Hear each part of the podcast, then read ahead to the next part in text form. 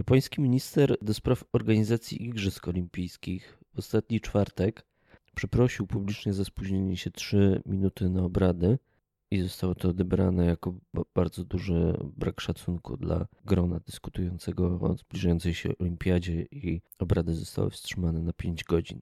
Też o tym słyszałam, ale czy on przypadkiem nie miał jakichś problemów ze zdrowiem? Chyba tym się tłumaczył. Hmm, nie wiem, natomiast wiem, że to nie był jedyny incydent. Na przykład BBC podaje, że tydzień wcześniej ten sam pan Sakurada e, na temat pływaczki japońskiej, która miała w olimpiadzie brać udział, wypowiadał się, że jest potencjalną złotą medalistką, sportowcem, wobec którego mieliśmy wielkie oczekiwania i że jest bardzo rozczarowany.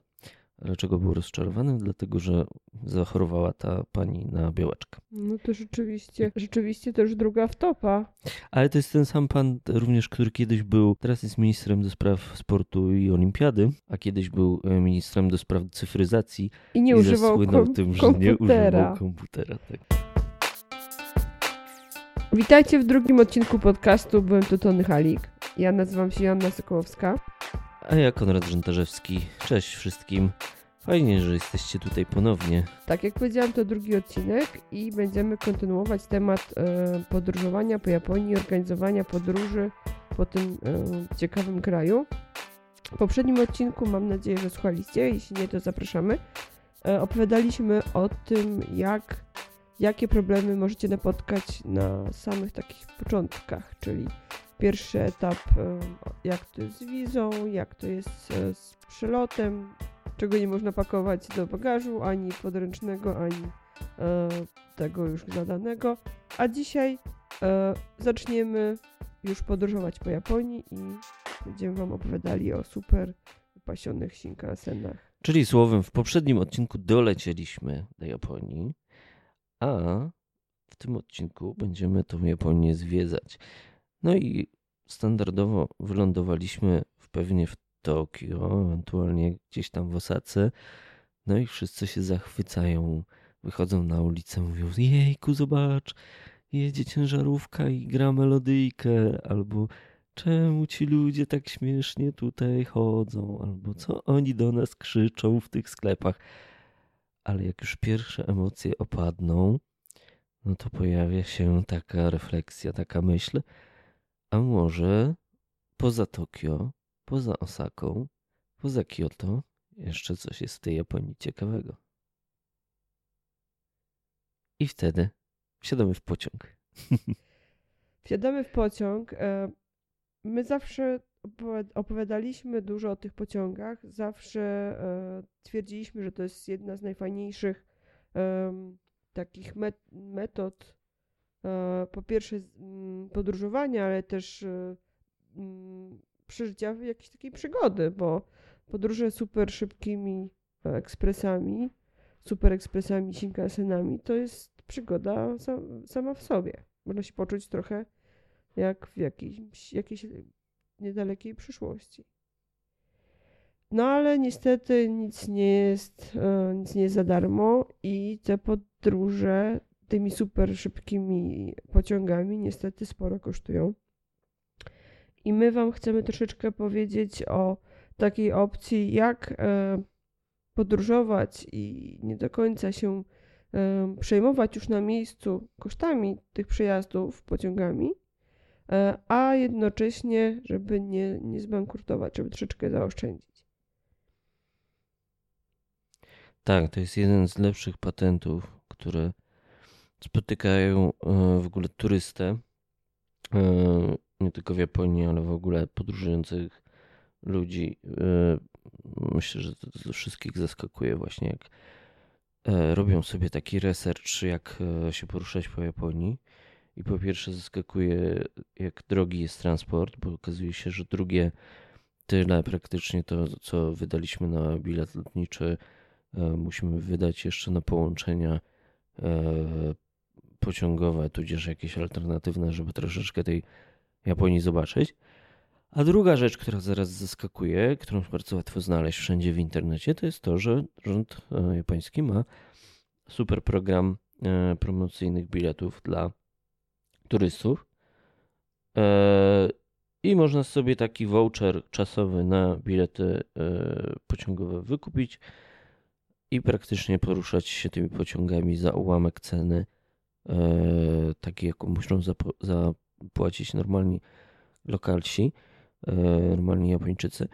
Mm, no Japończycy generalnie mega zazdroszczą tych biletów promocyjnych, bo całość jest, cały system jest skonstruowany w taki sposób, żeby tam właśnie nie było nadużyć, więc jeżeli ktoś jest już zameldowany, nawet jest obcokrajowcą, ale, ale obcokrajowcem, ale e, jest zameldowany w Japonii, bo na przykład tam pracuje, czy jest na jakimś pobycie, na jakimś urkampie, czy na e, wizie studenckiej, czy po prostu jest tam w pracy, to on już traci uprawnienia, nie może sobie taki, e, takiego voucheru e, wyrobić. No właśnie, bo kto może taki voucher wyrobić? I są bardzo specyficzne mm, wymagania. Kiedyś one były troszeczkę bardziej liberalne, bo gdyby ktoś tam miał, był, miał obywatelstwo japońskie, ale mieszkał za granicą, to mógł też się o to ubiegać ale od jakiegoś czasu jest to bardzo już tak ograniczone i w tym momencie e, o mm, ten JR Pass, bo właśnie o, o tym voucherze, o, tym, o tej opcji jest mowa. JR, czyli Japan Rail, prawda? Japan czyli Rail, czyli japoński, japoński PKP. PKP. E, o ten e, JR Pass, czyli przepustkę na, na pociągi Japan Rail, mogą się ubiegać wyłącznie osoby, które mają obywatelstwo niejapońskie, inne niż japońskie.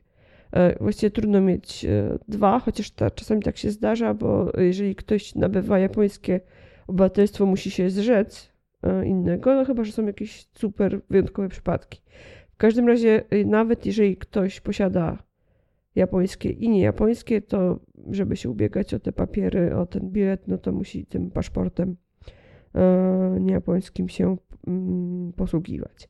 E, I tak jak Konrad powiedział, jest to taka niespodzianka, bonus, może taka mm, coś, coś, co ma zachęcić turystów, żeby przyjechali do Japonii i żeby rzeczywiście trochę po niej pojeździli. E, I te vouchery, które potem w Japonii de facto wymieniamy już na miejscu na bilety, można wykupić na 7 lub 14 lub 21 dni.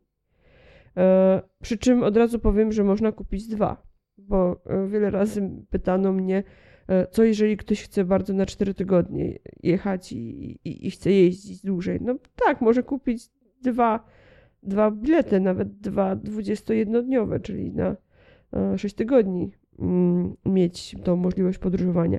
Ale standardowo pojedynczy taki bilet to 7 albo 14 albo 21 dni.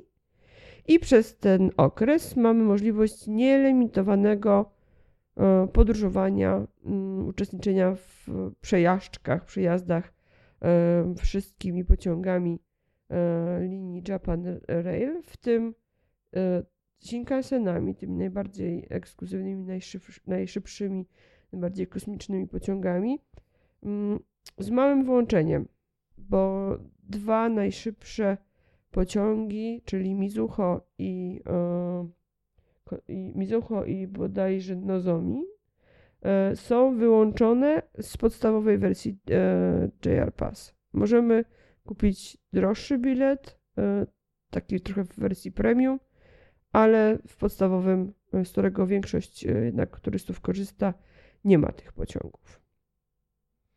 No dobrze, i teraz pytanie numer jeden, które się pojawia, to ale dlaczego tak drogo? Dlaczego tak drogo? O, no, trzeba utrzymać tą infrastrukturę. Ja je... No, ale zła odpowiedź.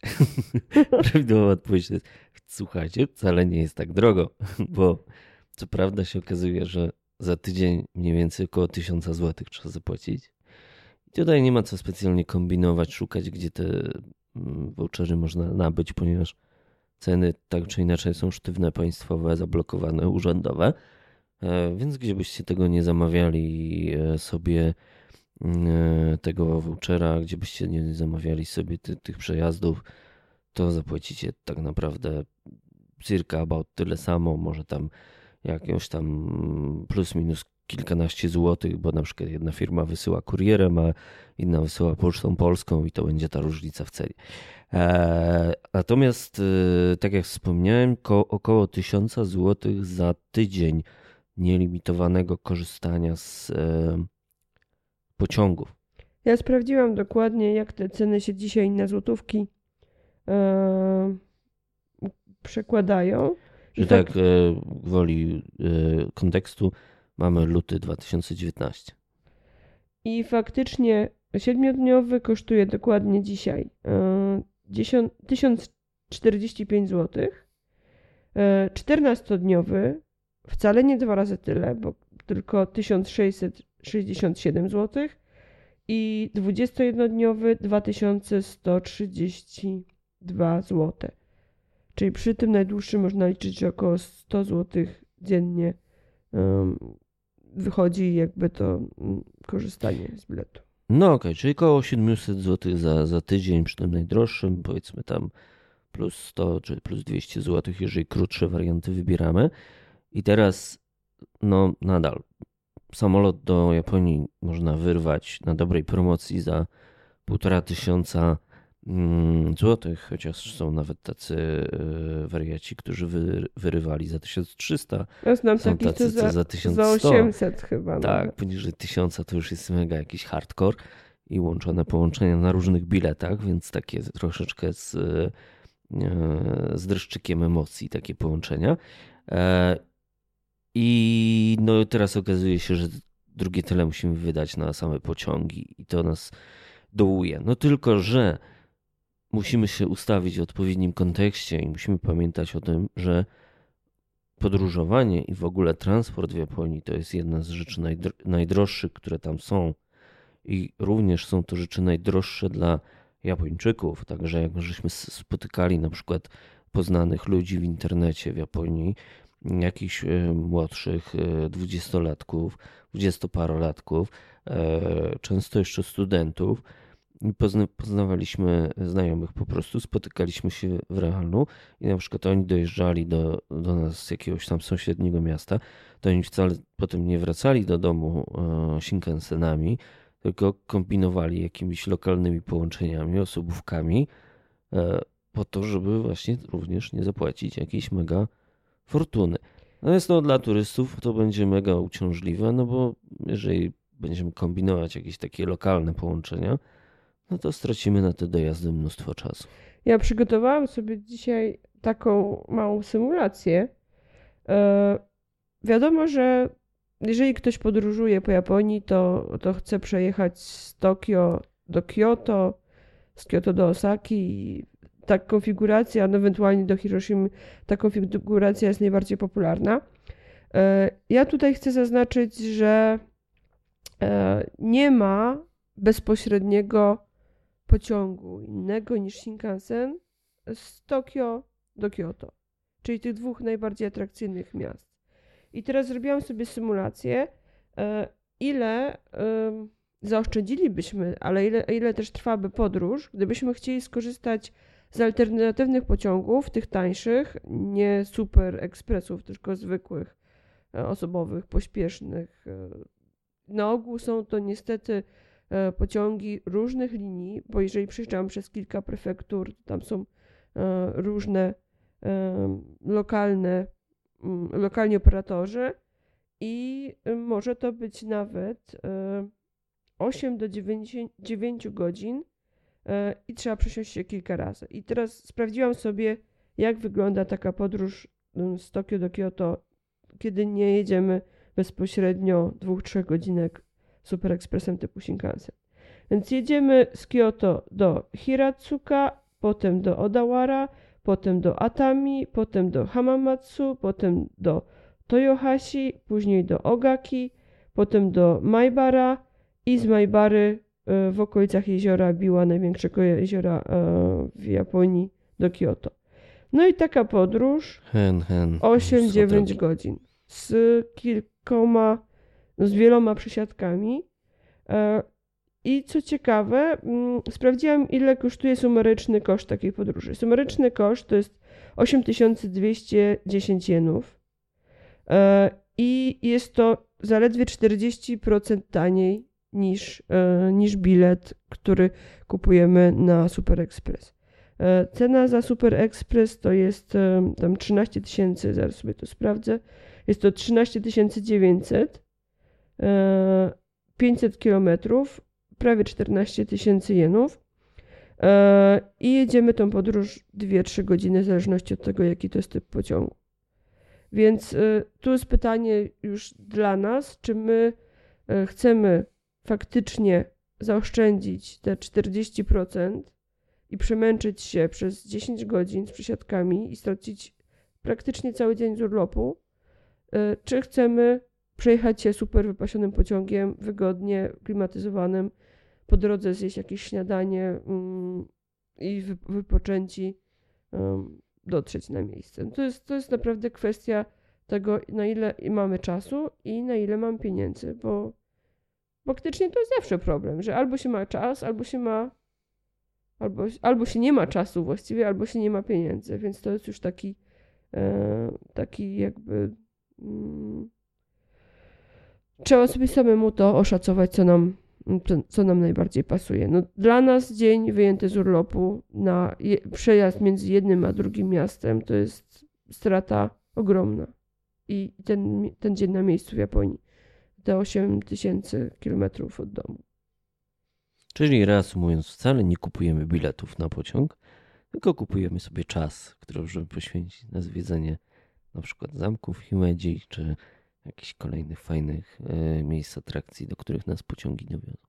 I tutaj jest jeszcze taki drugi aspekt tego właśnie legendarnego pytania, czemu to musi tyle kosztować, czemu to jest takie drogie, czemu ci Japończycy tyle płacą za te pociągi. I zachęcam Was, żebyście sobie otworzyli e, mapkę e, JR e, Shinkansenów, żebyście otworzyli sobie mapkę tego, jaka jest sieć tych najszybszych właśnie japońskich pociągów i w jakie konkretnie miejsca Japonii możecie dojechać. Pewnie łatwiej byłoby odpowiedzieć sobie na pytanie, gdzie nie można dojechać, prawda? E, bo ta sieć jest mega rozbudowana i naprawdę no, można sobie wybierać w zależności od upodobań. Zarówno Shinkansenami można dojechać do na samo południe, na, na tropi, do tropikalnej części Japonii, e, na wyspę Kyushu, jak i e, można dojechać w drugą stronę e, na północ do tej takiej zimnej Japonii, w cudzysłowie, do Hokkaido, prawda? Bo, na Hokkaido. Na mhm. Hokkaido, bo ta sieć jest tak rozbudowana, mamy zresztą no, sieć jest podzielona tam na, na, na sekcje, prawda? Mamy tą północną, najnowszą sieć do Hokkaido, e, mamy sieć zachodnio-południową, e, chyba jeszcze jest jakaś odnoga. Jest kilka regionów, na przykład wydzielone są też takie trochę mniejsze bilety na podróżowanie tylko po Kyushu. A jeszcze chciałam tutaj wrócić do tej y, osławionej ceny tego Shinkansenu, że to jest tyle pieniędzy. E, zrobiłam sobie też taką inną symulację, bo jeździliśmy dosyć sporo tymi Shinkansenami, więc, więc też, też jakoś tak te, mm, dla nas te ceny są trochę bardziej znane, ale, ale dla Was przygotowałam taką inną symulację. E, wracając chociażby do tej najbardziej popularnej trasy, e, którą większość ludzi chce robić podczas pierwszej podróży do, do Japonii, czyli Kyoto, Tokio, Osaka, Hiroshima. Gdzieś po drodze jeszcze odwiedza się zamek Himeji. E, będąc w Kyoto, jeszcze można skoczyć do Nary i poruszać się między Osaką i Kyoto, bo to jest dosyć blisko. I ja sobie podsumowałam, ile takie, takie przyjazdy by kosztowały, gdybyśmy chcieli je kupić pojedynczymi biletami w kasie, po prostu tak jak Japończycy. I, I to jest tak mniej więcej coś w tym stylu. Tokio, Kyoto, czyli 500 km, tak już, już wspomnieliśmy, około 14 tysięcy jenów. Kyoto Nara to jest 40 km przejazd do najstarszej stolicy, czy jednej starej stolicy i jeszcze starszej stolicy. E, tutaj już nie, nie pojedziemy Shinkansenem, ale lokalnym pociągiem też JR, więc mm, jest to ta sama, ta sama korporacja, e, 620 jenów. No, kolejne 620 trzeba powrócić, bo mało kto tam e, w narze nocuje, ale zresztą to nie do końca jest sens, żeby tam się zatrzymywać na noc, ale tak czy inaczej trzeba stamtąd wrócić. E, Przejazd z Kyoto do Osaki, jeżeli pojedziemy Shinkansenem, to jest 3000 jenów. Jeżeli pojedziemy em, lokalnym pociągiem wolniejszym JR, em, około 400-600 jenów. Potem przejazd e, z Shinosaki do Hiroshimy, to jest 10 tysięcy jenów 620. E, Potem przejazd z Hiroshimy do Miyajimaguchi, to jest miejsce, w którym wsiada się na prom e, na słynną pływającą bramę Tori, która się znajduje właściwie na, na obrzeżach e, e, tej aglomeracji hiroshimskiej. E, To jest kolejne 500 jenów i to też jest lokalny pociąg. E, Później płyniemy promem na Miyajimę za 180 jenów, wracamy promem za 180 jenów. E, Przyjeżdżamy z powrotem z Miyajimaguchi do Hiroshimy za 500. No i powrót powiedzmy już do, do Tokio, żeby wrócić do Polski. Przejazd e, z Hiroshimy do Tokio to jest 19 260 jenów na dzień dzisiejszy. E, Wszystkie te ceny sprawdziłam. Podsumowałam sobie dokładnie i te przejazdy, już nie dorzucając nic więcej, wyszły mi w sumie, e, wyszło mi w tej symulacji 46 790 jenów i to po dzisiejszym kursie odpowiada kwocie 1600 zł. Brawo, czyli mamy już dwutygodniowy bilet A jesteśmy w stanie zrobić tę trasę w 10 dni. w 7 dni. Mhm. W 7 dni i jeżeli Czyli jeszcze zostaje nam Tak. praktycznie drugie tyle czasu na gdzieś tam zwiedzanie, zatrzymanie się dodatkowo gdzieś po drodze. A jeszcze mam taki jeden bonus, że A powiedz jeszcze, y, gdzie ty te ceny wszystkie posprawdzałaś? Jak to można zobaczyć? Jak to Można można je zweryfikować? naj, najprostsza, najprostszy sposób to sprawdzić po prostu na Google Maps i przełączyć na połączenie Tam pociągowe. ceny się wyświetlają. Wyświetlają się numery Shinkansenów, godziny i ceny. To, to jest taka nowa, nowa rzecz, tego nie było jeszcze parę lat temu. Ja pamiętam, że na, na telefonie komórkowym korzystaliśmy z takiej aplikacji Navitime. Jak się wpisze w, w e, sklepie z aplikacjami Navitime, to właśnie jest taka aplikacja, gdzie ona wyszukuje połączenia i też podaje właśnie ceny od Ja razu. w zawsze jednych. korzystałam z Hyperdia. Ona Tak. była dla mnie taka bardziej, Siermiężna trochę. trochę siermiężna, ale dobrze działała na e, telefonach Apple'a i zawsze mi ona pasowała. Zresztą można z niej korzystać też em, przez stronę www. Natomiast jeszcze mam, mam taki, taką jedną uwagę, że e, wszystkie te ceny, które podałam, są to ceny Z VAT-em. Też, ale e, ceny za przejazdy bez miejscówek. E, I e, można za takie ceny przejechać, ale wtedy trzeba korzystać z jednego z trzech lub tam chyba pięciu przy dłuższych pociągach biletów, czy przepraszam, z wagonów, w których nie ma rezerwa- rezerwowanych miejsc. Za miejscówkę Japończycy jeszcze dodatkowo kilka tysięcy jenów przy, przy takich kursach dopłacają, 3-4 tysiące czasami to jest nawet. E, My korzystając z JR Passa nie musimy płacić za te miejscówki. Możemy zgłosić się do biura e, na stacji i po prostu pod, pod, odebrać nieodpłatną miejscówkę na, na te wagony, e, gdzie są już miejsca rezerwowane i numerowane. Więc to jest też taki dodatkowy bonus, jeżeli ktoś chce mieć pewność, że to miejsce będzie miał na określony e, przejazd. Chociaż to nie do końca jest zawsze taka e, opcja konieczna i my z niej chyba nie korzystamy. Trzeba tylko uważać na święta, prawda? Bo wtedy większość Japończyków gdzieś chce jechać i nagle wszystkie miejsca są w magiczny sposób zarezerwowane, zajęte i jest mega tłok. No właśnie, bo to jest jeszcze taka kwestia, którą często omawiamy na naszej grupie e, Japonia budżetowo tanie podróżowanie. E, czy jest sens brać te miejscówki, czy nie ma sensu? Bo tak jak już wspominaliśmy, my z Konradem bardzo cenimy nasz czas i mm, nie zawsze chce nam się stać w kolejce po tą miejscówkę, a bywały takie sytuacje, pamiętam w Nagano, że chyba była kolejka na 40 minut. Tak, niestety w Japonii dużo lubią, biurokracja jest rozbudowana i, i oni tam bardzo lubią stać w tych kolejkach i właśnie gdzieś można coś trzeba załatwić, właśnie jeszcze w firmie takiej jak JR, czyli takiej dużej, państwowej, no to trzeba się liczyć z tym, że będzie okienko, będzie pani uśmiechnięta i, i przede wszystkim nam pomoże, ale sama, jak już dojdziemy do tego okienka, bo będzie kolejka, to też pani nam nas będzie obsługiwać przez kolejne 15 minut, wszystko nam dokładnie tłumacząc, a my będziemy w tym czasie przystępować z nogi na nogę, bo przecież mogliśmy już przez trzy, pół godziny temu być odjechać. w pociągu. Tak.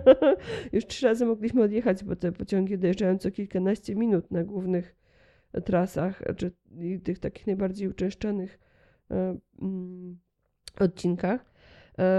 No i prawda jest taka, że też nie zawsze te panie dobrze mówią po angielsku, no, chociaż jest, jest coraz jest, lepiej. Jest coraz lepiej, ale nie zawsze. I zresztą one się strasznie denerwują, że muszą tłumaczyć.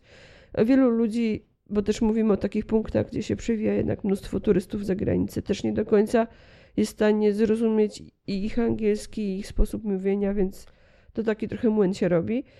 I my y, miejscówkę pobraliśmy w życiu raz. Przy sześciu podróżach do Japonii, przy wielokrotnym jeżdżeniu Shinkansenami pobraliśmy ją raz. Za pierwszym razem, y, bo wydawało nam się, że tak powinno być, a potem y, odkryliśmy to, Czyli że... dwa razy to zrobiliśmy. Pierwszy i ostatni. Pierwszy i ostatni. Odkryliśmy, że wcale nie ma takiej konieczności, bo są te wagony non-reserved. E, trzy lub czasami w porywach do pięciu. E, one są bardzo dobrze oznakowane i co ciekawe jest, jest też dokładnie na peronie zaznaczone, gdzie się otworzą drzwi do tych wagonów. I po prostu przychodzimy na peron, ustawiamy się odpo przy odpowiednich drzwiczkach. Bramce takiej na peronie, jeżeli jej nie ma, to po prostu jest wymalowane tylko miejsce, gdzie się te drzwi zatrzymają. I faktycznie się tam co do centymetra zatrzymują te drzwi. Czasami już jest uformowana kolejka Japończyków, więc trzeba sobie stanąć w tym ogonku za nimi. I po prostu wsiadamy do um, wagonu, zajmujemy dowolne miejsce. Zazwyczaj e, udawało nam się wziąć bardzo dobre miejsca blisko e, końca, bo koń na końcu jest też trochę więcej miejsca, żeby zrzucić plecaki ze stelażem, no bo Japończycy raczej mają małe małe walizeczki, które im się mieszczą nawet między siedzeniem a kolanami, bo jest bardzo dużo miejsca e, w tych pociągach. I teraz e, wiele razy słyszałam pytania, a co jeśli my przyjdziemy i nie będzie miejsca, że, że wejdziemy i nie będzie wolnych miejsc? Ja wam powiem, co wtedy robimy. Wychodzimy z tego pociągu i ustawiamy się w tym samym miejscu w kolejnej kolejce bo za 7 minut, no może za 15, za 20, no w najgorszym wypadku może to być 30 minut, po prostu przyjedzie kolejny pociąg. I wtedy my będziemy pierwsi w tej kolejce i sobie wybierzemy te dwa czy trzy miejsca z całego wagonu, pierwsi będziemy mogli je wybierać. Więc naprawdę nie ma co panikować, a natomiast e, fatygowanie się do tego biura e, obsługi JR pasowców które czasami jest ukryte w dosyć tam jakimś miejscu, gdzie trzeba iść przez dwa, trzy perony, cztery schody ruchome, no to jest więcej zachodu i stresu moim zdaniem z tym, więc my z tego nie korzystamy. Są takie słynne schody chyba na Shinjuku ruchome, że są cztery schody właśnie. Cztery schodki? tak, cztery schodki są schody ruchome, ale pewnie chodziło ci o cztery rzędy schodów, ale tak. przypomniało mi się to śmieszny, śmieszny właśnie obrazek, który wszyscy pokazują, że to są najkrótsze schody ruchome na świecie, które są zmontowane. A jeszcze często e, powiedz taką rzecz mi, e, Aśka, często jest, pojawia się takie, takie pytanie, czy to nie jest jakieś trudne, żeby się tymi pociągami poruszać, czy to nie jest straszne, no bo ludzie jadąc do Japonii boją się jednak tego języka japońskiego. Wiadomo, że Japończycy słyną z tego, że rzadko posługują się angielskim, Wszędzie mamy do czynienia z alfabetem japońskim, prawda, czyli osławi- osławionymi e, japońskimi krzaczkami. E, I no, co się stanie, jeżeli ta stacja docelowa, czy nazwa tego pociągu będzie napisana właśnie tymi krzaczkami? Ja tutaj od razu wtrącę taką mm, uwagę, która nie do końca jest związana z, z tematem dzisiejszego spotkania, ale a to się wytnie. Alfabety są trzy. bo są znaki kanji, które zostały zaadoptowane z języka chi- chińskiego i dwa alfabety, a właściwie sylabariusze do zapisu fonetycznego. Jeden do końcówek gramatycznych, ale też czasami się zapisuje słowa, gdzie są trudniejsze znaki, drugi do zapisu słów obcego pochodzenia. Ale to taka dygresja, więc to nie są. To wcale- też jako dygresję można powiedzieć, jakimi trzema językami posługują się Japończycy? Żaden z nich to nie jest angielski. Czyli pierwszy to będzie Językami? Tak. Nie japoński, No, tak. drugi to będzie Japoński? Nie, migowy. Bardzo dużo można załatwić językiem migowym. No i trzeci to będzie emoji jeszcze. Oni bardzo lubią zamiast porozumiewać się w języku, to no, porozumiewać za pomocą różnych e, ikonek, piktogramów. e, No, słynnych teraz już na cały świat emoji. A jeżeli chodzi o to, czy trudno się odnaleźć, nie jest trudno się odnaleźć. Czy może można dostać szoku na, na, ogromnym dworcu e, w Tokio, czyli tym głównym mm, dworcu Tokioeki, Tokioeki. I on jest rzeczywiście ogromny.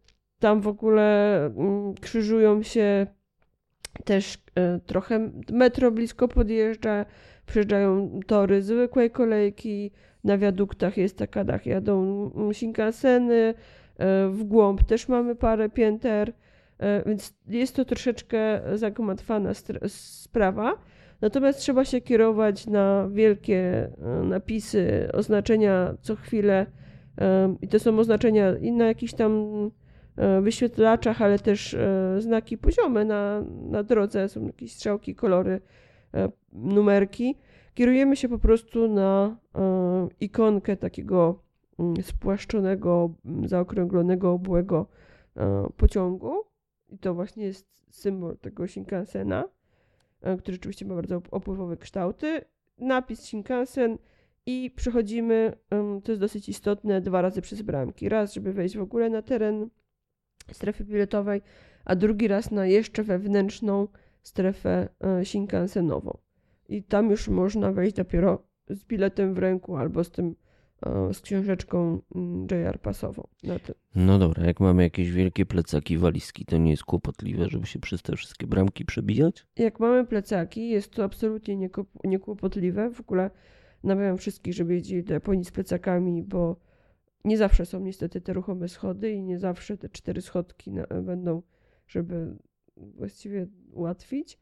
E, chociaż jest ich sporo, natomiast e, bardzo dużo jednak trzeba gdzieś przejść na drugą stronę, tutaj zakręcić, e, gdzieś tam podejść kawałek, więc z tymi plecakami zdecydowa- zdecydowanie łatwiej.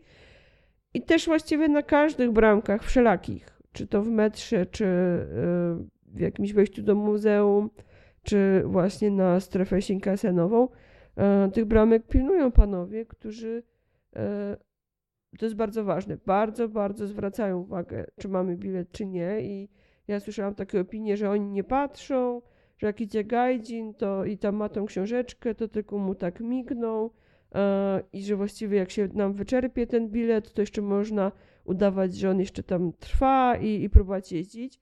Guzik, prawda? Ja robiłam eksperymenty, na przykład y, szłam i pokazywałam y, tą książeczkę do góry nogami, albo zasłaniałam datę palcem, y, tak, że niby pokazuję, zasłaniam, to w każdej takiej sytuacji y, naprawdę mnie zatrzymali i prosili, żebym, żeby, żeby mogli to zweryfikować, więc oni tam mają sokoli wzrok, widzą, co tam jest napisane na tych y, biletach. Ale i druga funkcja to jest ułatwiać ludziom życie. Czyli jak ktoś ma walizę albo coś mu się dzieje, no to mu otworzą tą bramkę, przypuszczą go czasami takim bocznym korytarzykiem. No, to dosyć, dosyć takie e, ujmujące jest to, jak oni się zachowują. Więc pod tym względem na pewno nie będzie trudno. Tak. I w, Tak. Samych, w samych pociągach też jest wygodnie, jest mnóstwo miejsca na ten bagaż. No dobra, to kup, powiedzmy, że mnie prawie przekonałaś do tego, żeby kupić ten voucher na przejazdy, czyli JR Pass. Czy Chociaż jeszcze się zastanawiam, czy nie wydać, czy nie, czy nie lepiej było wydać tych pieniędzy po prostu na jedzenie na miejscu, na ramen i smakołyki. A, Można, ale, można. ale można. czy są jeszcze jakieś benefity, jeżeli się ma taką kartę? Nie wiem, jakieś JR hotele, albo JR karaoke, albo jakieś inne JR punkty, w których można używać tego vouchera? Nic mi o tym specjalnie nie wiadomo, ale też nigdy nie potrzebowałam, chyba że tu ty masz jakieś przygotowane Nie, no, ciekawostki. E, ch- chyba, znaczy ja też nic nie wiem na ten temat, natomiast taki na pewno miejscami, gdzie można używać tego JR-a, to oprócz właśnie Shinkansenów, to dosyć często są też pociągi lokalne. Jeżeli pociągi lokalne też są e, pod e, szyldem JR, jeżeli operatorem jest Japan Rail, a przynajmniej połowę, myślę, po takich pociągów tych lokalnych też obsługuje Japan Rail, to też można z nich korzystać i też nie trzeba tych biletów kupować jednorazowych. No i na przykład mówiłaś też o przejeździe pro- promem pomiędzy wyspami, prawda? I Zdarza się, że operatorem promów też jest Japan Rail. I wtedy też mamy tak naprawdę ten prom za darmo. Bo nie, ka- nie każdy taki prom, natomiast na pewno ten prom, który płynie na pływającą, mm, znaczy mm, źle to się wyraziłam, prom, który płynie na wyspę Tsukushima, na której e, jest chram Shinto e, i przy tym chramie jest przepiękny teatr, przepiękna świątynia i jeden z trzech najsłynniejszych widoków Fuji, e, czyli pływająca brama Tori. Bramy Tori to takie bardzo ciekawe elementy japońskie, bardzo charakterystyczne elementy japońskiej architektury sakralnej. E, Na pewno wszyscy ją kojarzą. To są takie e, konstrukcje, e, że są dwa pale i u góry jest, e, są belki poprzeczne. Jeżeli kiedyś graliście w krykieta, to przypomina to bramkę do krykieta. A tak naprawdę jest to brama pomiędzy e, światem takim ludzkim, rzeczywistym, a między światem bóstw em, Kami. I takim bóstwem może być właśnie między innymi e, woda, która mm, tam się objawia. E, Ta brama jest przepiękna i to miejsce jest przepiękne, natomiast e, sama ta wycieczka wystarczy, że nią sobie, na nią sobie zarezerwujemy około pół dnia, będąc w Hiroshimie albo podróżując z Hiroshimy jeszcze gdzieś tam dalej na południe. E, I rzeczywiście na tą wyspę można się dostać z promem. Ten prom nie jest drogi, natomiast e, mm, żeby e, po- ponownie zachęcić turystów, żeby widzieli jeden, ten jeden z najsłynniejszych widoków Japonii, czyli właśnie tą bramę Tori przy Itsukushimie, zwanej też potocznie i bardziej chyba nawet znaną wśród turystów jako Miyajima. E, Ten nasz bilet mm, jak najbardziej em, ma w sobie tą przejażdżkę. Nie chcę tutaj e, mówić, że jakoś wiele tych promów e, oprócz tego jest, bo wydaje mi się, że nie, nie, niewiele z nich, ale ten na pewno. E, Co jeszcze można, jak jeszcze można skorzystać? Na pewno em, plusem takim jest to, że jeżeli jesteśmy na dworcu i nawet e, nie, nie chcemy specjalnie jechać e, w danym momencie Shinkansenem, możemy w każdej chwili wejść do tej strefy Shinkansenowej i e, tam są poczekalnie dla, specjalne poczekalnie dla klientów, dla pasażerów Shinkansenu. Dla VIP-ów, no nie bójmy się tego słowa. Jeżeli mamy nielimitowany bilet na wszystkie pociągi, to zwyczajnie jesteśmy VIP-ami. I w tych poczekalniach e, zawsze jest darmowe Wi-Fi. E, Niejednokrotnie żeśmy z tego korzystali, bo my tak jeździmy trochę po Japonii na wariata. Wsiadamy w pociąg bez zrobionej rezerwacji hotelowej. No i potem tak naprawdę nigdy nie wiadomo, gdzie dojedziemy. Można się zmienić coś e, po drodze, plan i pojedziemy gdzieś dalej albo wysiądziemy bliżej. E, Więc wysiadamy, idziemy do tej poczekalni, odpalamy tam telefony, klik, klik na booking.com albo jakąś inną aplikację typu Airbnb i y, natychmiast znajdujemy nocleg, mm, korzystając właśnie z tego darmowego Wi-Fi. To Wi-Fi coraz częściej jest też na peronach, ale zawsze to wygodniej jest rzucić te plecaki i spokojnie w klimatyzowanym sobie, pomieszczeniu tak, sobie usiąść. Mhm. herbatkę wypić, bo też oczywiście są tam vending machines, czyli Zidohan bajki z milionami napoi do wyboru. Więc to też jest e, ogromny, ogromny plus. E, ogólnie ta firma, która się zajmuje JR pasami, oczywiście część tej całej e, mm, część JR, ona teraz, wiem, że oferuje dodatkowo jakieś wycieczki, jakieś spinaczki na Fuji, jednodniowe wypady i, i hmm, to ciekawe. są to takie dodatkowe aktywności. Oni też e, sprzedają w tym momencie dostęp do Pocket Wi-Fi, różne takie usługi, jak się wejdzie na stronę e, Japan. Czyli faktycznie trzeba stronę obadać. Tak, można znaleźć, natomiast nie wiem, czy one są jakoś e, oddzielnie płatne, czy to może są jakieś zniżki dla tych osób, które się zdecydują też na, na JR Pass. Więc to warto sprawdzić. My z takich rzeczy prawie nigdy nie korzystamy, bo lubimy sobie samodzielnie wszystko zaplanować i, i dotrzeć i zazwyczaj się to udawało. Natomiast może to być ułatwienie dla kogoś, zwłaszcza jeżeli ktoś ma mało czasu z takich um, półorganizowanych um, wyjazdów może sobie na miejscu skorzystać.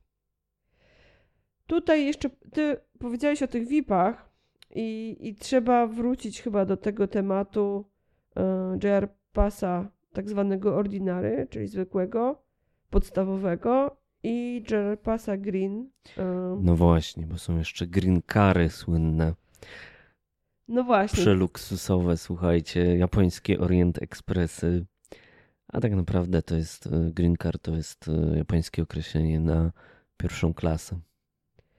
My nigdy nie jeździliśmy green carami, nigdy w życiu, e, bo i tak wiadomo, że ten bilet za dwie osoby na trzy tygodnie, takie kupowaliśmy na przykład, no, nas mocno pociągnął po kieszeni.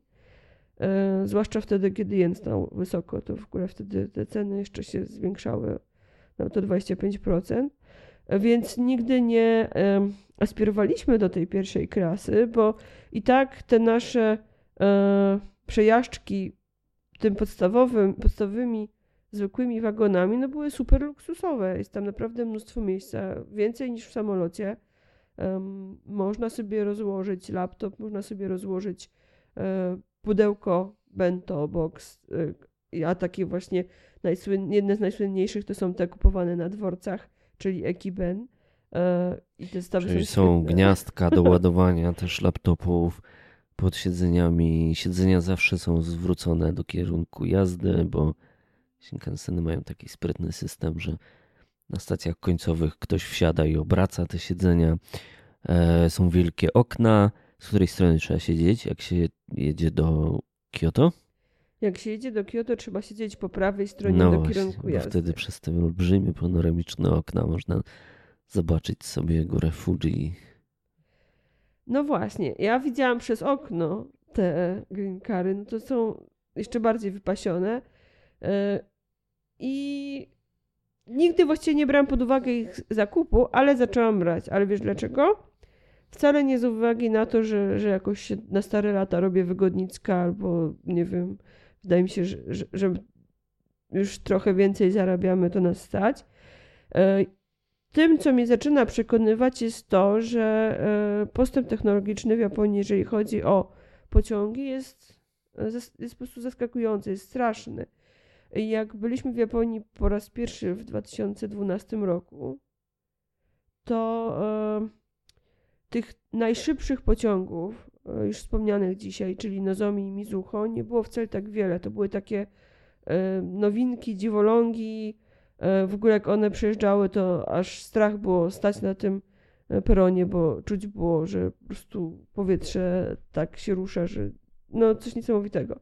Wiatr od Shinkansena.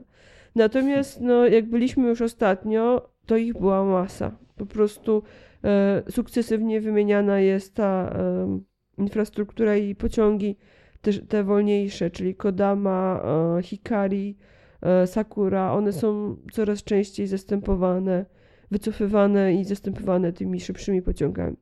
No i niestety na te dwa najszybsze typy, te co jeżdżą 300 50-60 km na godzinę. Niestety ten JR Pass e, Ordinary podstawowy nie, nie działa. I e, w sytuacji, kiedy no to się troszeczkę rozleniwiliśmy, że w sytuacji, kiedy trzeba nagle czekać na, na pociąg e, taki wolniejszy, na przykład na Sakurę, żeby pojechać na Kyushu, no tak pół godziny, a w porywach nawet może do 40, to znowu się u nas pojawiała ta taka, takie trochę poczucie, że, że, że tracimy czas, że może gdzieś byśmy się już przesiedli na prom, już płynęli na tą Sakuradzimę, nie wiem. Więc y, może przy kolejnej podróży się, e, się na to odważę, zwłaszcza, że ten najdroższy, y, akurat teraz już sobie wy, wyłączyłam moją ściągawkę na laptopie, ale ten najdroższy trzytygodniowy um, Jarpas Green Car First Class kosztuje około 3000, a nie dwóch. Więc jeżeli się wybierzemy w taką strasznie długą podróż, to może, może trochę więcej zainwestujemy w to, ale, ale Czyli nie zobaczymy, wiem. czy w Green Carach grają w zielone po prostu. Natomiast y, absolutnie nie uważam, żeby, żeby to było konieczne. Że naprawdę w porównaniu z tym, co się dzieje w Polsce, czy nawet w ogóle w Europie, no to y, rozmowa o tym, czy czekać 5 minut, czy 35 i, i płacić więcej, no to już jest troszeczkę taka zbytkowna i na pewno nie wpisuje się w naszą koncepcję taniego podróżowania. No dobra, to jeszcze jedno takie pytanie, które mi e, przy, przychodzi do głowy i na pewno e, znasz na nie odpowiedź, ale jeszcze zanim, zanim pytanie, to chciałbym Was zachęcić, żebyście sami e, zadawali pytania. Jeżeli e, jeszcze macie jakieś pytania po, tej, po, po wysłuchaniu tej audycji na temat poruszania się po Japonii i chcielibyście, żebyśmy ten temat poruszyli, albo o czymś zapomnieliśmy, albo chcielibyście, żebyśmy coś doprecyzowali, to proszę piszcie do nas. E, będziemy oczywiście się do tego odnosić. Chcielibyśmy, żebyście to, trochę też wy brali udział w tworzeniu naszej audycji i żeby ona faktycznie odpowiadała na te wasze pytania, te wasze wątpliwości, które mogą wam się rodzić, kiedy będziecie chcieli wyjechać do Japonii. Także nie bójcie się, piszcie do nas, śledzimy iTunesy, śledzimy Spotify'a, śledzimy e, SoundClouda, śledzimy oczywiście naszego Facebooka, gdziekolwiek do nas napiszecie. Można oczywiście również prywatnie na blogu się e, z nami kontaktować. E, postaramy się w następnej audycji do tego odnieść. Także to był krótki wjazd reklamowy i, zachęcenie Was do działania. A wracając do tego pytania, które miałem Ci zadać, e, to e, czy mając JR Passa można również się poruszać po miastach, na przykład korzystać z metra? Z metra nie można korzystać.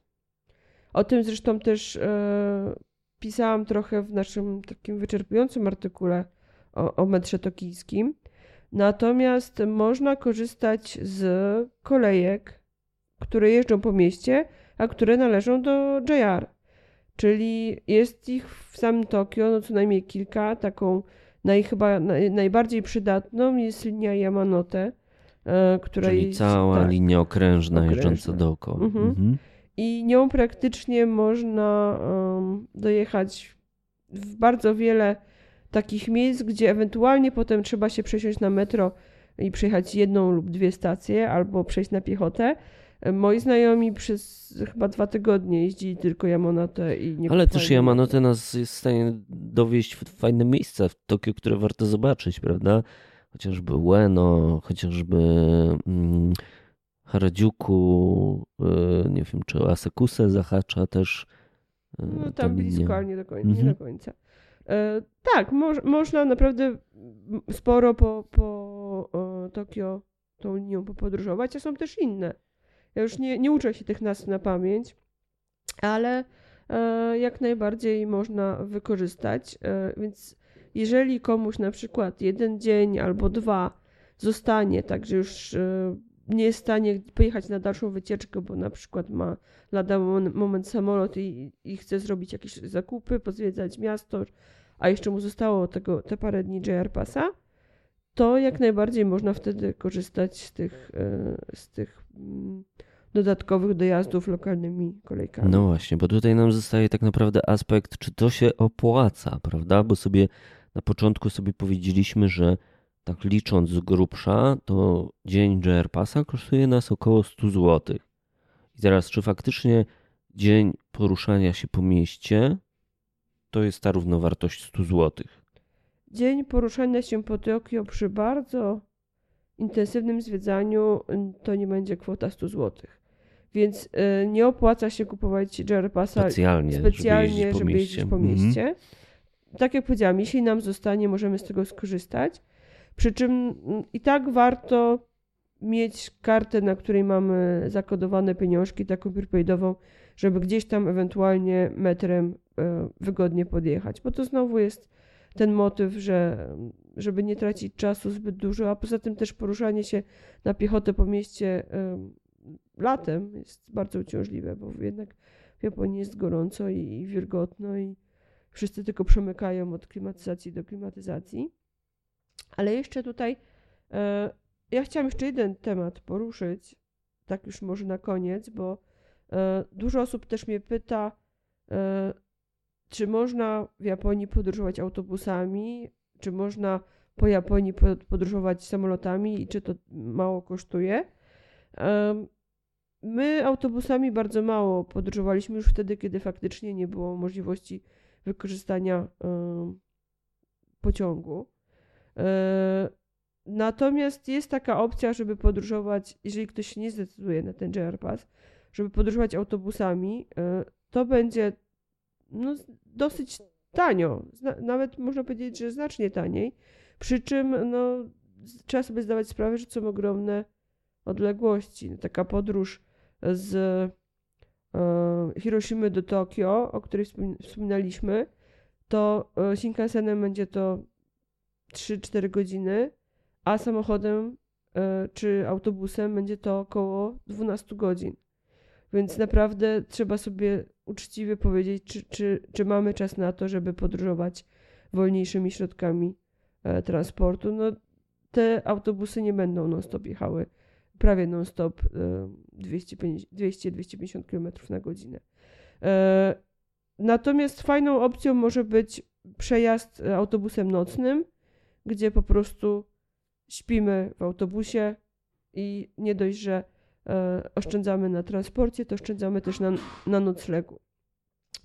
E, natomiast jeżeli chodzi o samoloty, to można bardzo tanio kupić te przeloty, tylko że tutaj znowu pojawia się taki motyw, że e, przelot wewnętrznym lotem i tak wymaga pojechania odpowiednio wcześniej na lotnisko, spędzenia czasu tam, mm, potem przelot, potem odbieranie bagażu, potem powrót z lotniska.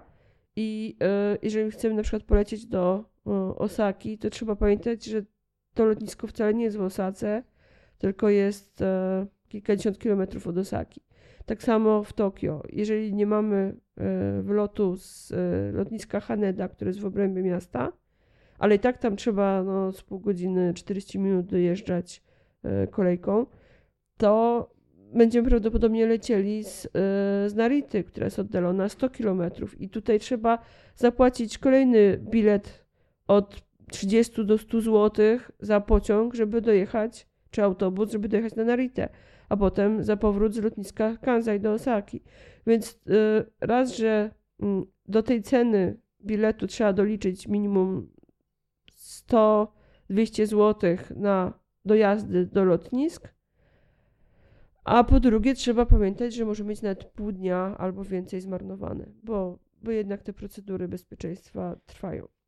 Dlatego jeszcze tak nawiązując do, do dyskusji, które się u nas odbywają na grupie, ja zauważyłam taką prawidłowość, że za autobusami i za samolotami optują osoby, które mają rodzinę w Japonii albo jadą z Japończykami do Japonii, gdzie ta osoba towarzysząca nie ma em, zniżki na pociągi, płaci bardzo słone pieniądze za przelot, przyjazd, przyjazdy e, Shinkansenami.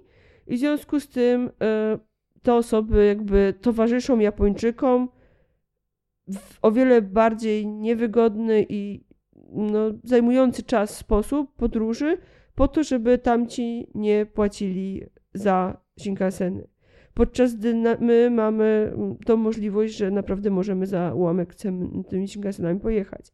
Dlatego no, ja rozumiem to, że, że są zwolennicy i przeciwnicy, natomiast jeżeli my jedziemy z Polski jako turyści na tej pobycie turystycznym do 90 dni i mamy tą możliwość, to po prostu moim zdaniem głupotą jest nie wykorzystać tej możliwości, którą nam ten rząd Japonii dał w postaci zniżki.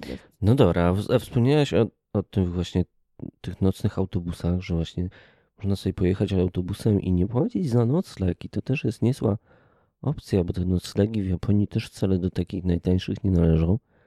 To może by tak sobie pojechać nocnym pociągiem, skoro już mamy ten JR Pass. Niestety nie ma nocnych pociągów. Bu. Y, są, wada, są chyba jakieś takie wyjątkowe połączenia, które jadą na Hokkaido do Sapporo. Y, mityczny pociąg nocny. Nigdy go nie widziałam, nie słyszałam e, tego komunikatu, żeby on wieczorem odjeżdżał, a bywaliśmy często wieczorem na lotnisku. E, przepraszam, na dworcu. E, no Shinkanseny te normalne stają o północy albo o pierwszej, jak dojadą do e, stacji docelowej. Tak naprawdę wszystkie pociągi, nawet metro w miastach, prawda? Ja słyszałem nawet taką teorię, że to jest pod, dlatego, żeby zapobiec temu, żeby y, Japończycy nie wpadli w alkoholizm, ponieważ Japończycy e, chodzą na te wszystkie takie imprezy, gdzie y, honor i jakby tutaj hierarchia nie pozwala im wyjść z imprezy i przestać pić wcześniej niż ich szef, no to muszą, muszą mu dotrzymywać kroku. No i jedyne, co ich ratuje, to właśnie ostatni pociąg do domu. Albo hotel kapsułkowy, ale o hotelach chyba opowiem już następnym razem.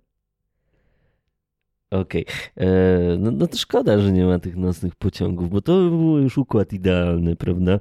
Że można sobie z jednego końca na drugi Japonii by e, pojechać jeszcze siedząc w tych super wygodnych e, pociągach. Słuchajcie, Shinkanseny naprawdę polecam wam też jako zjawisko takie mm, kulturowe, które warto poznać, bo no, nasze pendolino, co tu, co tu dużo mówić, się nie umywa. Naprawdę w Shinkansenach są dużo fajniejsze, dużo bardziej komfortowe te warunki, szersze korytarze, szersze siedzenia, e, wszystko ładniej e, wykończone, mm, duże okna. Mm, Shinkanseny nawet wyposażone są, słuchajcie, w palarnie, ponieważ niestety Japończycy mają ten, ten, ten zły zwyczaj, ten zły nauk tego, że lubią bardzo papierosy palić i wszędzie palą te papierosy. Także jeżeli ktoś z Was jest, ma nauk i boi się, że o, samolotem to szybko przelecę i będę mógł zapalić papierosa, a pociągiem to będę musiał się męczyć te 4 czy 5 godzin, to okazuje się, że nie, słuchajcie, bo nawet można sobie w Shinkansenie zapalić i normalnie są drogowskazy w wagonach, w którym wagonie, w którym miejscu jest palarnia. Nawet jak byliśmy na początku, myślę, że tam w okolicach 2012-2013 w Japonii, to jeszcze, słuchajcie, były w Shinkansenach normalnie automaty z napojami, czyli można było normalnie za monetkę sobie kupić jakąś kolę, czy, czy jakiś tam egzotyczny napojek japoński, e, ale chyba skończyła im się umowa z tą firmą, która im uzupełniała te, te, te automaty, no i te automaty pokasowali, nie wiem, może one kiedyś, może kiedyś w przyszłości one wrócą, ale też to, co jest fajne w Shinkansenach, to, że nie ma absolutnie żadnych problemów z konsumpcją swoich rzeczy, czyli nawet wręcz wskazane jest, żeby sobie kupić jakieś fajne, dobre jedzonko do pociągu, jakieś napoje, czy to piwko, czy to jakieś soczki, czy to jakieś tam właśnie e, sody gazowane i można sobie tego wszystkiego popróbować. Ale oczywiście, jeżeli nie zdążymy, e, bo będziemy biegli e, na ten pociąg, żeby jak najszybciej się dostać już dalej, no to tak jak u nas jeździ pani z wózeczkiem i na tym wózeczku ma i właśnie te zestawy lunchowe w pięknych pudełkach. Koniecznie trzeba jedno takie pudełko przynajmniej sobie e, zamówić i spróbować, bo to jest bardzo fajna sprawa. E, śliczne, pyszne, pożywne jedzenie. Oczywiście ma też prezenty, bo bardzo ważne jest, żeby jak się jedzie pociągiem, jak Japończyk jedzie pociągiem gdziekolwiek, nawet na jeden dzień sprawy zawodowej, to musi swoim znajomym i kolegom z pracy przywieźć omijagę, czyli mm, lokalne, jakieś takie smakołyki, na ogół to są jakieś ciasteczka. Często to są takie same ciasteczka wszędzie, ale pudełko jest y, z nadrukiem, z jakimiś takimi charakterystycznymi elementami z danego, danej prefektury. I to jest obowiązek. Więc od pani można kupić jedzenie, można kupić prezenty, można kupić picie i, i też, też sobie coś w czasie tej podróży tam skonsumować. Dobra, e, wiemy, że warto kupić sobie e, abonament na pociągi. Wiemy też, że te pociągi dojeżdżają praktycznie wszędzie, ale pytanie, które teraz się pojawia, to gdzie warto pojechać tymi pociągami? Może e, jakieś zaproponujmy miejsca i krótko jednym słowem, dwoma słowami, dlaczego akurat tam warto pojechać Shinkansenem? No bo już zaczynając tą audycję, wyszliśmy od takiej tezy, że właśnie w momencie, kiedy wylądujemy, już się z tym, tą Japonią e, troszeczkę nasiąkniemy, no to chcielibyśmy zobaczyć trochę więcej i chcielibyśmy pojechać do innych miast. No i teraz pytanie, jakie takie e, najpopularniejsze destynacje w zasięgu Shinkansenów możemy zobaczyć? Ja jeszcze tutaj chyba tego nie powiedziałam, ale tak jak wszyscy jeżdżą do tego Kyoto, to trzeba wiedzieć, że praktycznie jadąc do Kyoto i z powrotem i wykonując jeszcze jedną choćby przyjażdżkę, zwraca nam się wtedy ten najtańszy bilet już. Mhm. Czyli trzy przejazdy Shinkansenem to... Czyli taki o trójkąt obowiązkowy, prawda? No bo jeżeli ktoś jedzie do Japonii, w szczególności pierwszy raz, no to praktycznie nie jest, nie, niemożliwe jest, żeby ominął taki właśnie standardowy trójkąt pod tytułem Tokio, Kyoto, Osaka. Ja bym nawet powiedziała, że ten trójkąt to jest e, Tokio, Kyoto, Hiroshima. Mhm. E, a Osaka, swoją drogą, Osaka jest oddalona Shinkansenem od Kyoto 15 minut. E, więc to tak naprawdę prawie, że no nie wiem, dwa zarośnięte miasta. I to potwierdza nawet to, bo raz jechaliśmy pociągiem lokalnym z Kyoto do Osaki, bo zabalowaliśmy się, spóźniliśmy na ostatni Shinkansen i faktycznie trudno było się zorientować, kiedy się Osaka kończyła, kiedy zaczynało Kyoto, więc tak naprawdę to traktuję jako jedno. E, stamtąd też na pewno można pojechać na JR Passie, chociaż tak jak wspominałam, pociągiem lokalnym e, do starej stolicy Japonii, Nary. E, to ta, to miejsce, gdzie jest największa budowla drewniana świata oficjalnie, podobno w Rosji jakiś bogacz sobie coś większego wybudował, ale to jest nieoficjalnie, czyli świątynia To Daiji e, z figurą wielkiego Buddy, no i otoczona cudownym ogrodem, parkiem, po którym brykają um, śka. E, tutaj też są bardzo często kłótnie o to, czy to są tak naprawdę sarenki, czy daniele, ja się tak bardzo na tym nie znam, ale wydaje mi się, że bardziej przypominają mi sarenki, ale to trzeba by jakiegoś już e, kogoś, kto się zna e, na faunie, zapytać konkretnie. E, można pojechać do wspomnianej Hiroshimy, a po drodze bardzo, bardzo polecam zatrzymać się w Himeji. I w tym Himeji można się zatrzymać na parę godzin żeby zobaczyć jeden z najsłynniejszych japońskich zamków Himeji-jo. E, tam nie trzeba nocować, bo wystarczy zostawić e, w lokerach bagaże i to też jest niesamowita sprawa, jeżeli chodzi o dworce e, kolejowe w Japonii. Oni mają całą masę szafek na pieniążki, mniejszych i większych. Te większe są takie, że wchodziły nam dwa plecaki ze stelażem razem do jednego i jeszcze statyw e, do aparatu duży. Taka szafka kosztuje 700 jenów e, teraz za, za kilka godzin. Chyba to jest nawet za wiele godzin, ale do pierwszego otwarcia, chociaż jakieś tak, ostatnio słyszałam, że się zmieniają przepisy, że, że po północy to jakoś zaczyna się inaczej naliczać, ale spokojnie za te paręset jenów możemy zamknąć nasze bagaże i pójść około 20 minut spacerkiem od dworca prosto do, do zamku. E, zwiedzić zamek, zwiedzić koniecznie przepiękny ogród, e, który jest obok. To jest jeden z najpiękniejszych japońskich ogrodów, jakie widziałam w ogóle w Japonii. E, Shinkansenem na pewno dalej dojedziemy do Hiroshimy. Wiele osób chce tam jeździć. Ja jestem tym miastem trochę rozczarowana. I w takich bardziej prywatnych rozmowach raczej odradzam wizytę e, w tamtym miejscu, jeżeli faktycznie... Ale mają bardzo smaczne okonomiyaki. Tak, ale jeżeli ktoś się nie, nie interesuje bardzo historią, to chyba rzeczywiście też tak pół dnia tam spokojnie wystarczy. Za to atrakcją jest ta wspomniana już Itsukushima z bramą Tori. I teraz to jest ta trasa, którą prawie wszyscy robią. Natomiast my mamy parę takich smaczków, e, do których namawiamy, a są to miejsca, gdzie też można dojechać Shinkansenem. E, najbardziej wysunięte na południe miasto, do którym dojdziemy Shinkansenem, to jest Kagoshima. To jest moje, Oj, świetne, e, świetne. Moje ukochane miasto. Południe Kyushu i w ogóle genialna, tropikalna Japonia. Słuchajcie, zupełnie inna niż, niż e, w okolicach Tokio. E, I tam dojedziemy dokładnie do Kagoshimy. E, potem jeszcze możemy sobie popływać promem na wyspę coraz dalej, coraz dalej. E, ewentualnie nawet można dopłynąć na Okinawę, ale to już trochę dłuższy rejs. I tutaj taką zrobię małą dygresję, tak a propos tych tanich lotów po Japonii. Osobiście uważam, że jeżeli ktoś y, chciałby skorzystać z lotu wewnętrznego, opłaca się lecieć na Okinawę, bo jednak to jest kawał drogi, to już jest mega tam sub, strefa sub, subtropikalna, mega na południe, ten um, archipelag Ryukyu wysp, a, cudowne miejsce, no i tam zdecydowanie łatwiej nam będzie dostać się samolotem, jeżeli nie mamy dużo czasu. Ale tak to jednak polecam ten pociąg.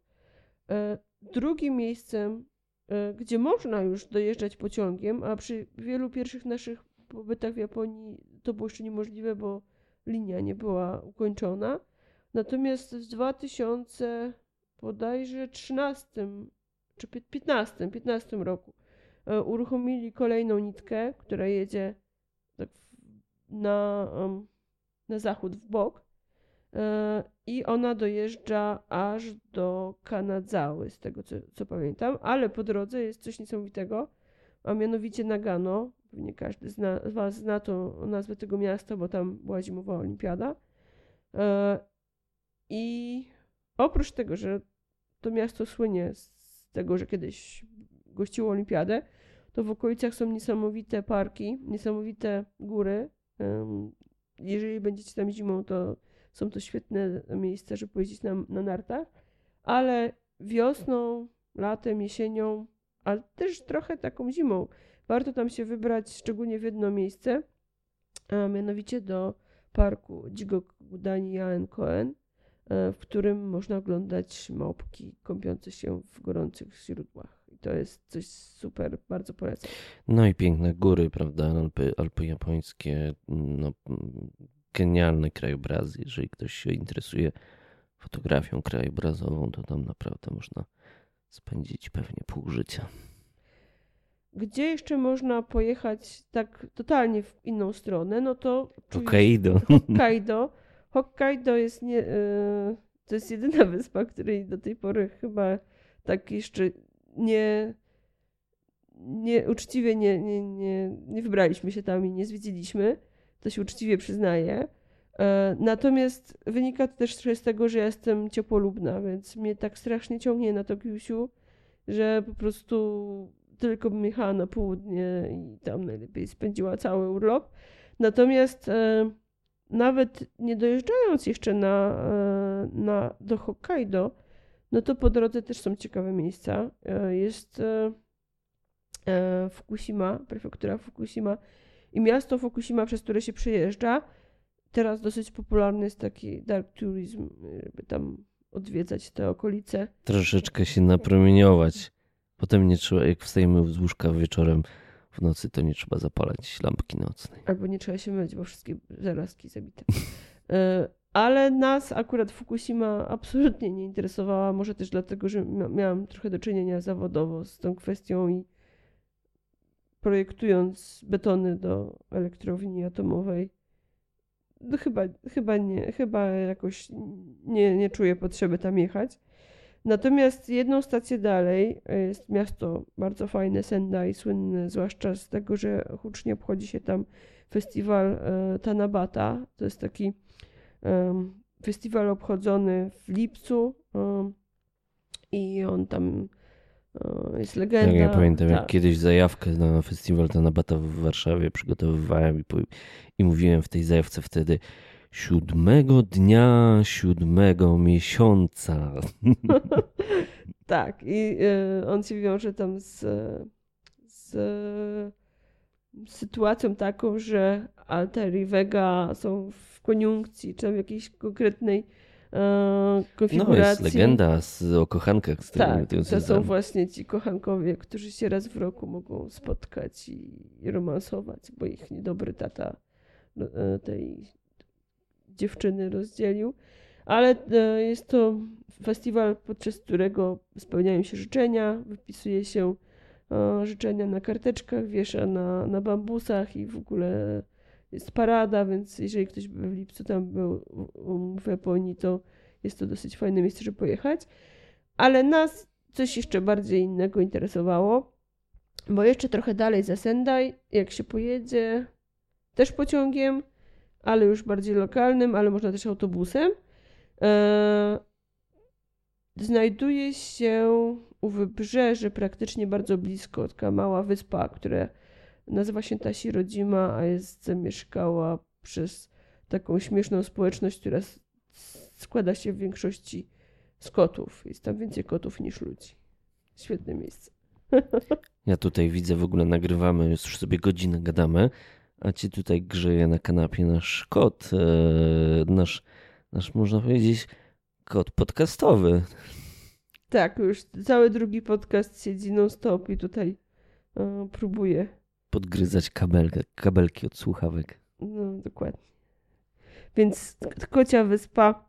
Jest ich tak naprawdę w Japonii kilka, bo jest jeszcze też e, Aodzima, ale to ta Siorodzima jest o wiele łatwiej dostępna i wybra- warto się tam wybrać, jeżeli ktoś lubi koty.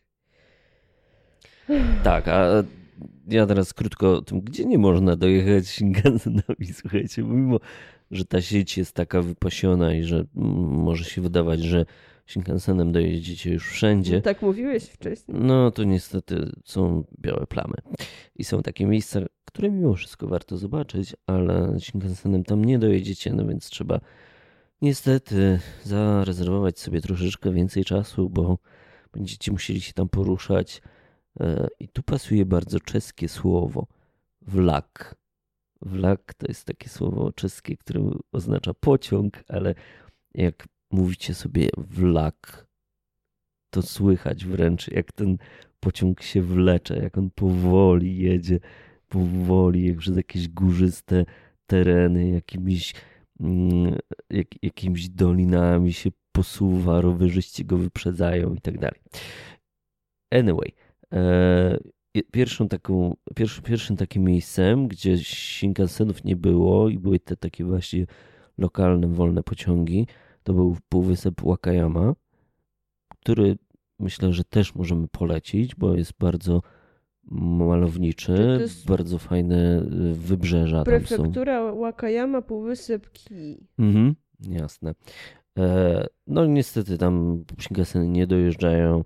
Trzeba sobie de facto z Osaki już wyruszyć na południe i, i, i, i eksplorować ten półwysep. Mm, on też słynie z takiej zatoki delfinów, która była portretowana w takim słynnym filmie dokumentalnym e, Deco. E, natomiast drugie takie miejsce, no to jest wyspa Shikoku. E, tu mówiłaś o, o miejscach, które jeszcze nam się nie udało zwiedzić. Wydaje mi się, że właśnie Shikoku to jest taka biała plama u nas na mapie Japonii, no bo tam zwyczajnie nie jeżdżą Shinkanseny i tam ciężko dojechać.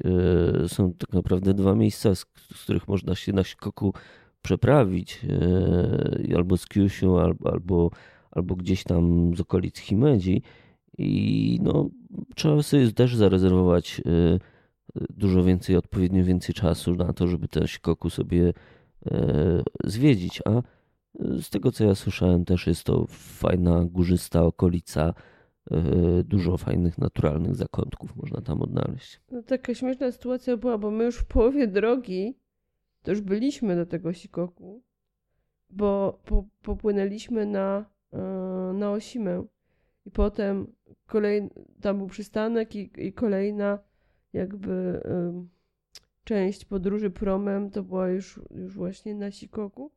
No i my żeśmy zawrócili wtedy, bo jednak stwierdziliśmy, że, że bardziej nam nas ciągnie na to południe. To był pierwszy raz, kiedy byliśmy w ogóle na, wtedy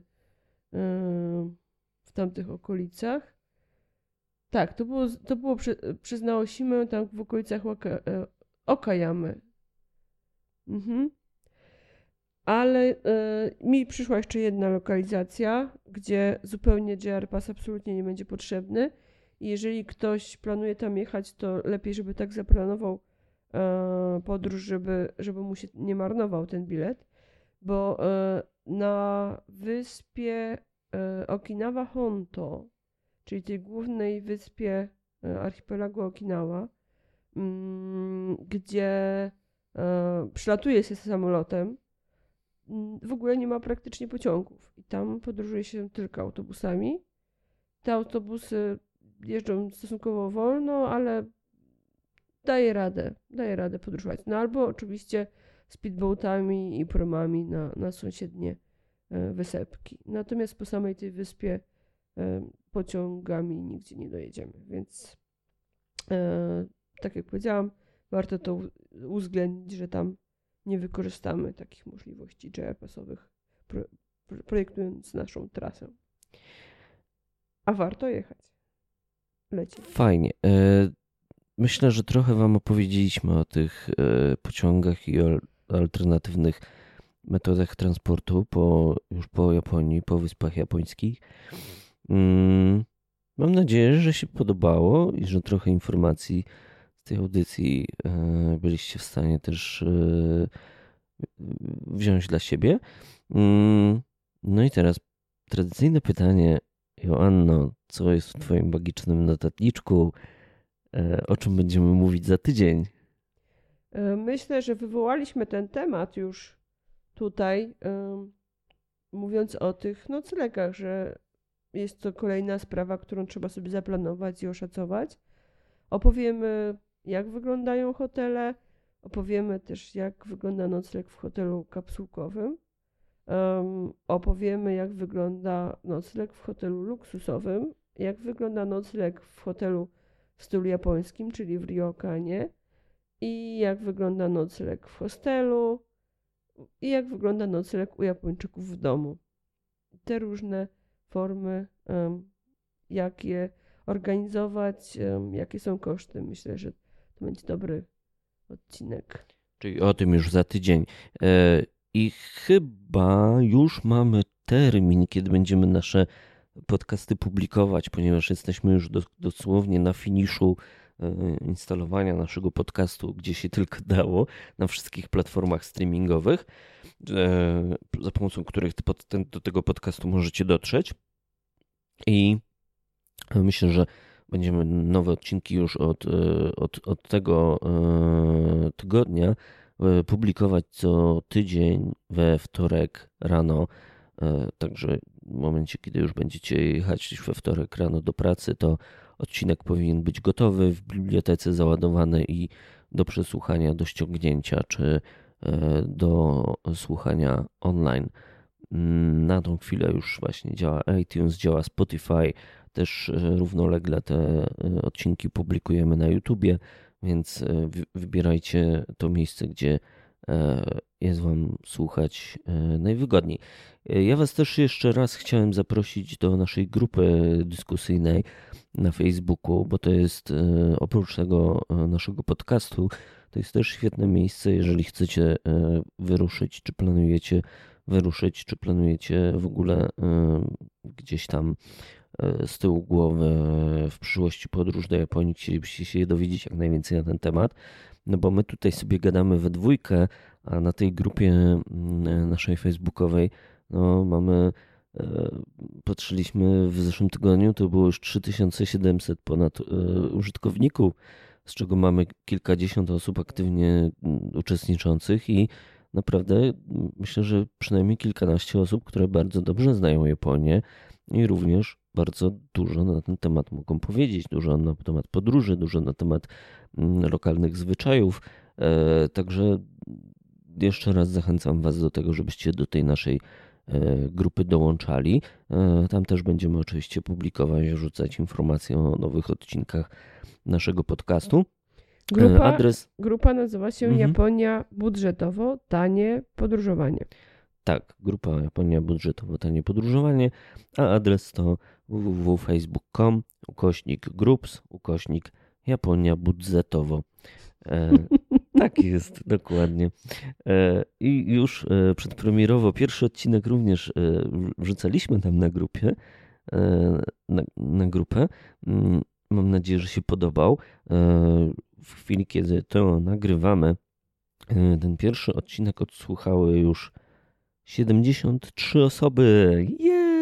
Cieszymy się, cieszymy się z tego debiutu, bo oznacza to, że no, te informacje mm, jakoś tam trafiają w wasze zapotrzebowanie i że chcecie nas słuchać. Bardzo nam to się podoba i no myślę, że zachęca nas do tego, żebyśmy kontynuowali naszą misję. I mamy też pierwsze komentarze z naszej grupy na, na temat mm, naszych audycji. Tutaj na przykład Ania pisze: Rewelacja, właśnie skończyliśmy słuchać. Cały notes tipów. Decyzja od niedawna, wyruszamy w kwietniu, a z Wami ostre przygotowania. Serdeczne dzięki. Cudownie byłoby, gdyby było więcej takich pigułek informacyjnych, jak komunikacja, środki transportu, noclegi, kuchnia, waluta, jak zoptymalizować 10, 14, 21 dniowy wyjazd itp. itd. Dziękujemy Ci, Aniu. No, część tych y, tematów już jest na naszej liście, w naszym magicznym notatniczku i będziemy y, już y, te, te, te, nowe Wasze pomysły również y, na bieżąco dopisywać. Y, także no, co tydzień nowy, fajny pomysł się nam klaruje, co myślę, że też te, te pomysły będziemy sobie jakoś priorytetyzować w zależności od tego, jakie właśnie będą Wasze komentarze, jakie treści będziecie, za jakimi treściami będziecie głosować. Cieszy nas bardzo to, że Wam się podoba. Tutaj też Karolina pisze odsłuchane, poproszę o więcej praktyczne porady, kilka wskazówek, które przydadzą się w planowaniu wyjazdu do Japonii. Także Karolinie również dziękujemy za miłe słowa. Jola napisała, szkoda, że trzeba się zainstalować, a potem jeszcze konto zakładać, żeby słuchać podcast. Jeśli macie jakieś problemy techniczne, to też dawajcie nam znać gdzieś tam na blogu, na Messengerze, e, czy w wiadomości prywatnej e, na, na blogu. Mm, no bo z, naszych, z naszego doświadczenia wynika, że tam nigdzie nie trzeba się rejestrować, że podcast powinien być dla wszystkich dostępny we wszystkich platformach streamingowych ale jeżeli gdzieś są jakieś braki, no to sygnalizujcie nam to, będziemy to na bieżąco naprawiać. Dzięki serdeczne za to, że byliście z nami ponownie. Mm, tak jak Konrad powiedział, jest cała masa pomysłów na kolejne odcinki, ale bardzo chętnie wysłuchamy Waszych propozycji. E, myślę, że mm, te informacje praktyczne będziemy też troszeczkę podsumowali dalej na naszym blogu, więc y, garść linków, które mogą być przydatne, y, a też miejsca, z których informacje żeśmy Wam przedstawiali, czy na które się powoływaliśmy, będziemy też wrzucali w jakiejś takiej formie bardziej dostępnej, czy na Facebooku, czy na blogu, żebyście mogli te informacje bardziej konkretnie już posprawdzać. E, na dzisiaj dzięki serdeczne. Pozdrawiamy Was i. No i jeszcze y, oczywiście na koniec, tradycyjnie, wybieramy magiczne słowo, o, które, na, które nasi słuchacze mogą wpisywać w komentarzach w dowód tego, że przesłuchali naszą audycję do końca. Tradycyjnie po raz drugi. Myślę, że tym słowem na dzisiaj może być Samolot. Tak, parado- tak właśnie przykornie w stosunku do tematu. No dobra. To pisujcie w komentarzach W zeszłym tygodniu jeszcze e, podcast był w powijakach. Nikt nie wpisał magicznego hasła, ale liczymy, że w tym tygodniu już będą takie osoby, które wysłuchały do końca. No i że będą już komentować e, nasze, nasze podcasty. Jeżeli chcecie nam pomóc, to gwiazdkujcie też nas, jak możecie, czy na Spotify'u, czy właśnie na iTunesach, mm, no bo to jakoś gdzieś tam wybije naszą audycję w statystykach tych serwisów wyżej i może dzięki temu odkryją nas nowi słuchacze i może oni też wpadną na pomysł, że gdzieś w głębi duszy brakowało im y, pomysłu na to, żeby wyjechać do Japonii. Także mm, może także wy będziecie mogli przyczynić się do tego, żeby zarazić japońskim bzikiem nowe osoby. Także zachęcamy i e, no, możecie się nam odwdzięczyć jakoś w ten sposób, żeby nasz podcast stał się popularniejszy, e, właśnie gwiazdkując go w serwisach streamingowych. Ok. E, myślę, że to wszystko na dzisiaj. Możemy kończyć. Nasz kot już śpi. E, tradycyjnie nagrywamy to e, minuty przed północą, bo tylko teraz mamy spokój i ciszę e, i w domu i, i, i nic nie biega, nie miał, czy sąsiedzi z góry, z dołu nie hałasują. Możemy spokojnie tworzyć audycję, ale z tego co widzę, to tutaj koty już śpią na kanapach, także my też kończymy. No i cóż, dziękujemy, że z, że z nami byliście. Do usłyszenia. Zapraszamy za tydzień. Do usłyszenia. Cześć. Cześć, cześć.